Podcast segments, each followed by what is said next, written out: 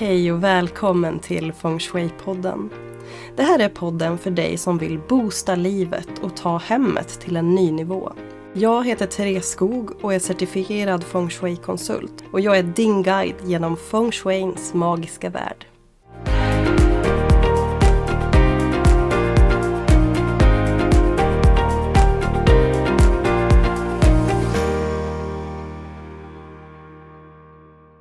Hej mina fellow feng shui-intresserade där ute. Det är som sagt dags för ett nytt avsnitt och idag tänkte jag att vi skulle prata lite grann om trender och feng shui.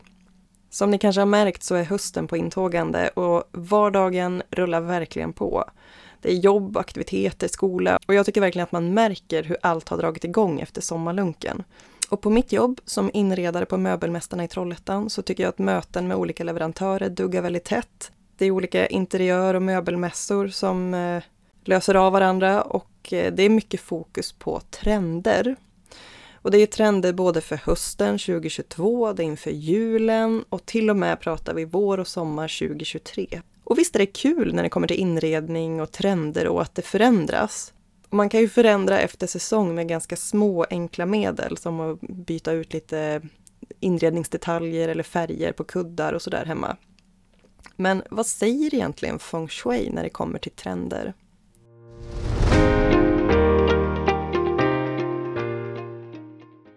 Jag var på en föreläsning med Lena Nyholm ganska nyligen och det är den här inredaren som brukar gästa Nyhetsmorgon och ge en massa tips och råd kring hur du kan tänka när du ska inreda ditt hem.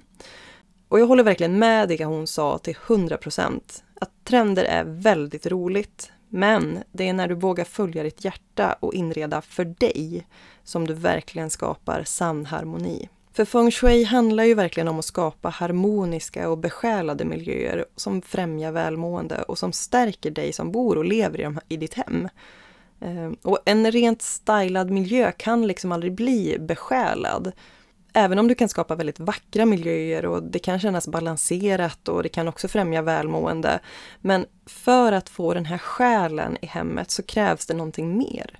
Det krävs att det ska vara något personligt. Något som visar vem du är som person eller kanske saker som verkligen betyder någonting för dig. Saker som bär på minnen eller någon form av historia.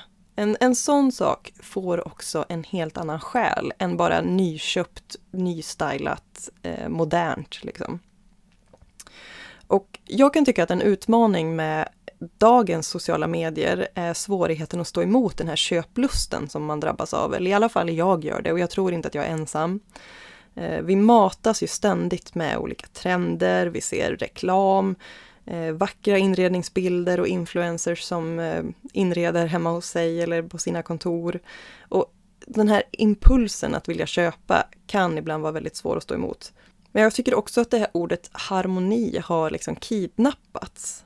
Eh, det används idag på ganska färglösa miljöer. För de senaste åren då har det varit väldigt mycket vitt och beige och grått. Och den här färgskalan ihop stöttar egentligen inte oss eh, som människor. Vi behöver alla element för att få det här riktiga stödet, för att verkligen främja välmående.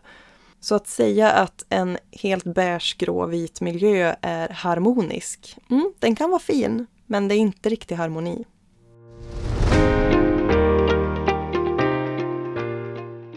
Färgskalan liknade Lena Nyholm på den här föreläsningen som jag var på vid en grådassig februaridag.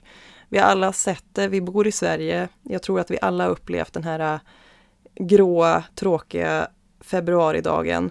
Men något som verkligen väcker känslor av harmoni är ju snarare att kunna se ut över en vacker solnedgång. Alltså tänk er de här starka färgerna. Det är orange, rosa, rött, lila, blått. Där väcks ju någonting inombords. Och samma sak på våren, de här prunkande grönskan som kommer och, och liksom alla växter och där kittlar ju någonting in, i mig i alla fall, när jag ser alla de här färgerna. Det händer inte riktigt samma sak rent kroppsligt när jag ser ett fint beige sovrum, även om det känns väldigt mysigt och fint. Så krävs det liksom något mer för att verkligen väcka ren harmoni. Men när vi ändå pratar om just trender så måste jag också nämna att jag tycker ändå att trenderna jag ser kommer nu och som kanske redan är igång lite grann börja gå lite grann i en riktning som stämmer ganska bra överens med det feng shui förespråkar. Det jag ser när det kommer till trender är väldigt mycket naturmaterial. Det är trä, det är sten och marmor, det är liksom eh, organiska former, eh, mjuka former. Det är väldigt mycket natur som förebild, både vad gäller möbler och hur de ser ut, men också vad gäller material och färger. För färgerna som jag ser väldigt mycket av just nu, det är mycket grönt och blått och sandiga toner, lite rost, eh, eh, ja, men lite brända toner och brunt. Och det är liksom, tänk naturen som förebild. Och naturen är ju den absolut mest naturliga platsen för oss människor att vistas på. Det är därifrån vi, vi har bott i naturen, alltid. Eh, och i dagens läge så har vi tagits bort från naturen och plockats in i betongen. Och då behöver vi tillföra natur för att vi ska kunna verkligen må bra.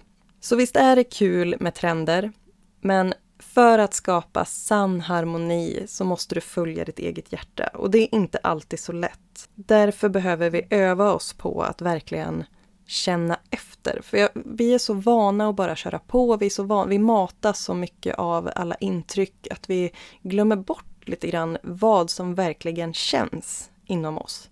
Vad gillar du för färger? Oavsett vilka färger som trendar, oavsett hur någon annan har det eller hur det ser ut i tidningarna, så är det så himla viktigt att känna efter. Vad tycker du om? I vilken miljö trivs du? Och tänk då, har du svårt att liksom eh, föreställa dig hur ditt hem ska se ut eller föreställa dig hur inredningen ska se ut för att du ska trivas. Tänk då på vilken miljö tycker du om att vistas i? Eh, tycker du om att vara vid vattnet?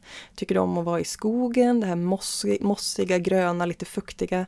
Eh, tycker du om att vara i öken? Alltså, och applicera den här känslan som du får i naturen i ditt hem.